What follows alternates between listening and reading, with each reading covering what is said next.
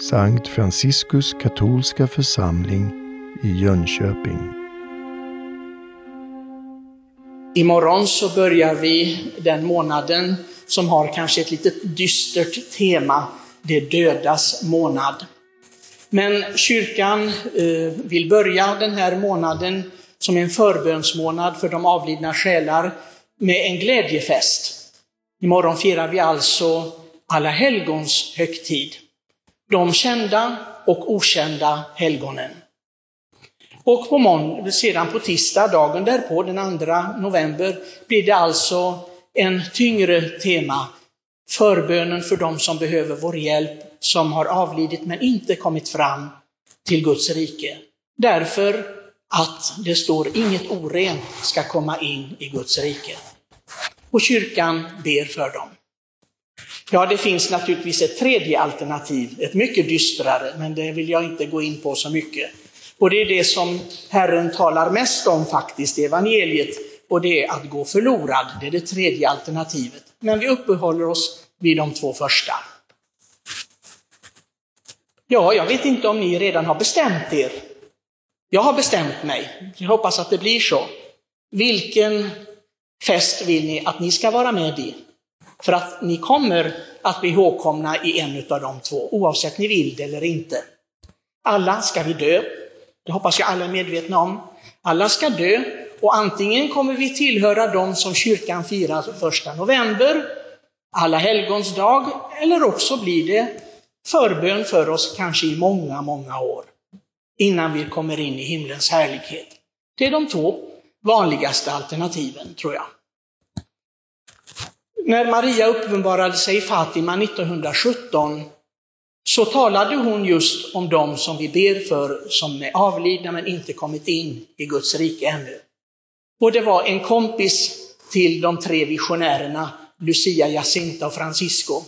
Hon hette Amelia, den här tjejen. Hon hade dött, alltså ganska ung då, förstår vi, kanske i tioårsåldern någonting. Och de frågar, är hon i himlen? Vad har hänt med henne? Och Guds moder Maria svarar, och det är ju liksom väldigt dramatiskt, hon säger nej, hon ska renas i skärselden till tidens slut. Ni kan tänka er, vad fasansfullt. Ja, visserligen, hon sa inte att hon hade gått förlorad, men hon skulle renas till tidens slut. Jag tror nog att de här tre barnen, kompisarna till Amelia som hörde detta, de bad nu offrade för henne. Så allting kan förändras. Och det är det som som är planen i Guds kärleksrike. Vi kan förändra med vår kärlek, med vårt engagemang. Ja, att bli ett helgon eller inte, det beror ju på det som vi hör idag i läsningarna, hur vi uppfyller de buden som Herren har gett oss. Det beror inte på någonting annat. Vi behöver inte fundera på egentligen som det vore en quiz eller en liksom frågesport här, vad är det rätta svaret? Vi vet det rätta svaret, Herren har gett oss det. Vad är det största budet? Vad är det första han har gett oss? När Gud uppenbarar sig för mänskligheten som Gud, att han är den ende. Det första han säger, lyssna.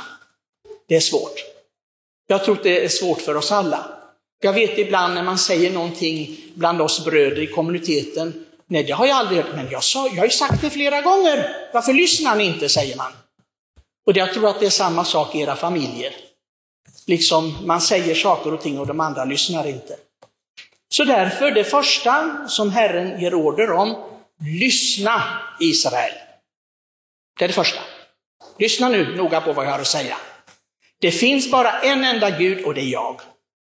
Bara jag som har skapat er. Och jag vill detta. Att ni älskar mig av hela ert hjärta, av all er kraft, av all din själ, av allt ert förstånd. Och er, era medmänniskor, er nästa, som er själva. Detta är vad jag vill. Och sedan specificeras detta för folket förstår inte riktigt. Hur går detta till att älska Gud och sin nästa? Vad innebär det? Och han ger de tio budorden genom Mose. Och det är en förklaring för och på hur det här ska gå till. De tre första buden som handlar i en direkt relation till Gud.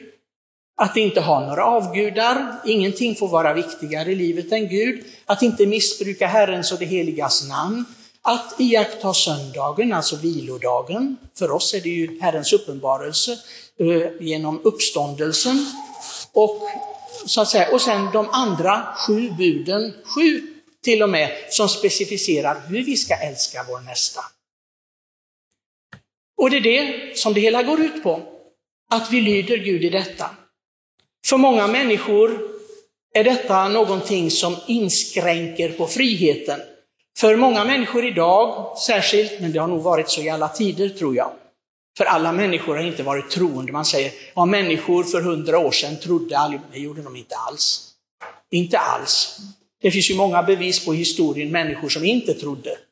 Som verkade på ett mycket dåligt sätt genom de möjligheter de hade. För om alla människor hade varit troende och trofasta Gud, hade världen sett helt annorlunda ut idag. Men så har det alltid varit. Människans frihet att välja. Och det är kanske de som tycker, men vad finns det för frihet i det här? Det är ju konsekvenser på sig. Kan jag inte ha min frihet att välja bort Gud och det som Gud vill i mitt liv? Ja, det, visst kan du det. Men som sagt, allting får konsekvenser. Ja, säger, men så är det ju inte alltid. Jo, det är det visst det. Ta bara en sån sak när liksom Caritas bullar upp en massa goda saker där. Tänk om jag går in där och tänker, när ingen är i salen, så äter jag både den ena grejen efter den andra. Och det håller jag på med söndag efter söndag. Ja, om ni tycker jag är tjock nu, hur skulle jag se ut då? Mm. Alltså, allting får konsekvenser. Eller de som har problem med, med, att de inte vill äta, anorexi till exempel, en förfärlig sjukdom. Och det får konsekvenser. De blir svårt sjuka, de kan till och med dö. Allting får konsekvenser. Eller om jag går mot rött ljus till exempel, jag struntar i det, jag ska använda min frihet och bara gå, pang bom! Och så ligger jag där och så får de sopa golvet efter mig.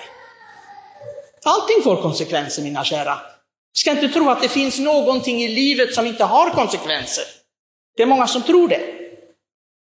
Alla missbruk till exempel. På alla plan, allt får konsekvenser. Så varför skulle inte det här förhållandet till Gud få konsekvenser?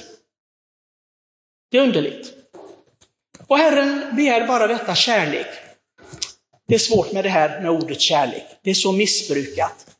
Jag tycker så illa om när, när någon säger, jag har sagt det till någon medbroder som kom från Polen många år, han sa, åh, jag älskar eh, spaghetti alla bolognese. Nej, det älskar du inte alls.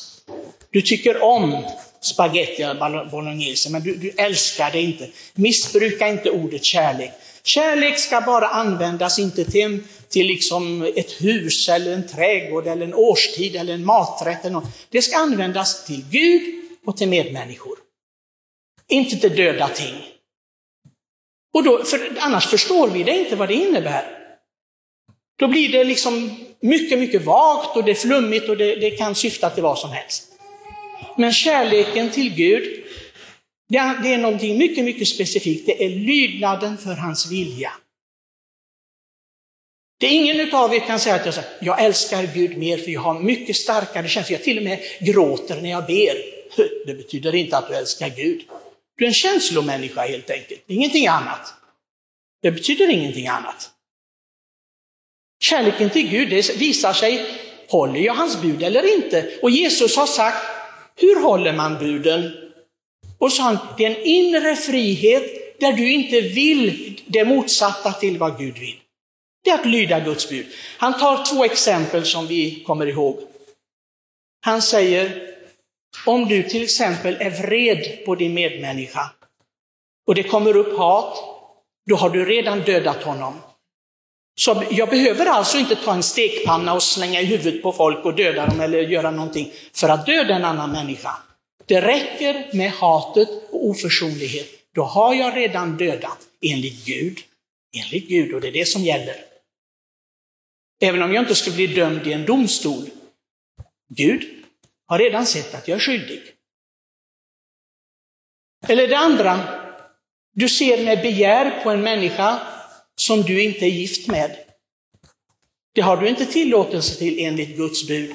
Då har du redan begått äktenskapsbrott, säger Herren. Han talar om den andliga dimensionen i hur man iakttar Guds bud.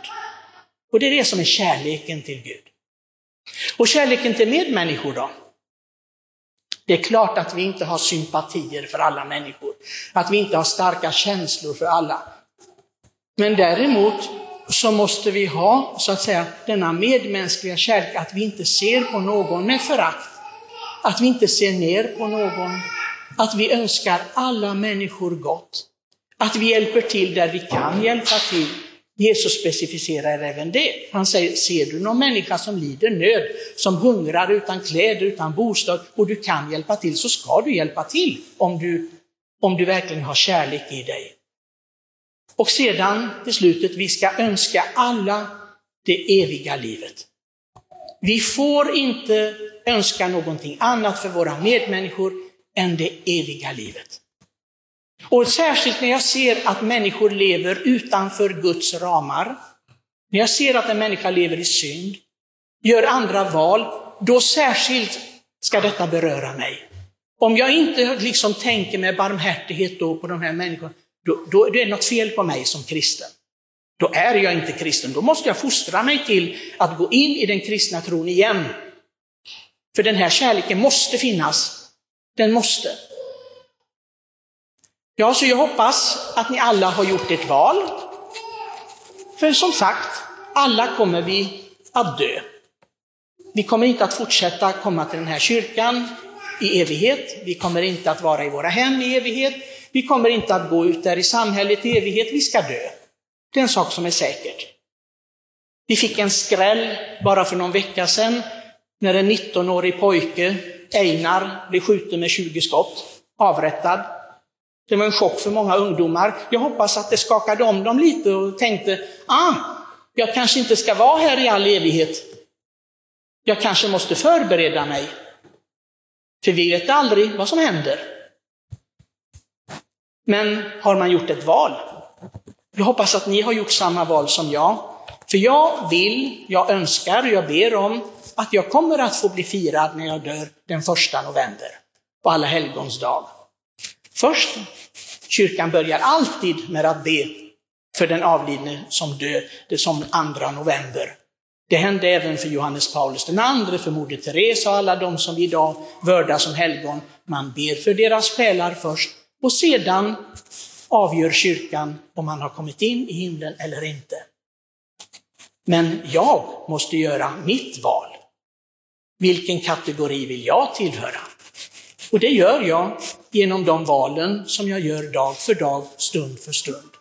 Och jag hoppas att ni alla här i vår församling gör samma val, att vi ska firas den första november en gång i framtiden.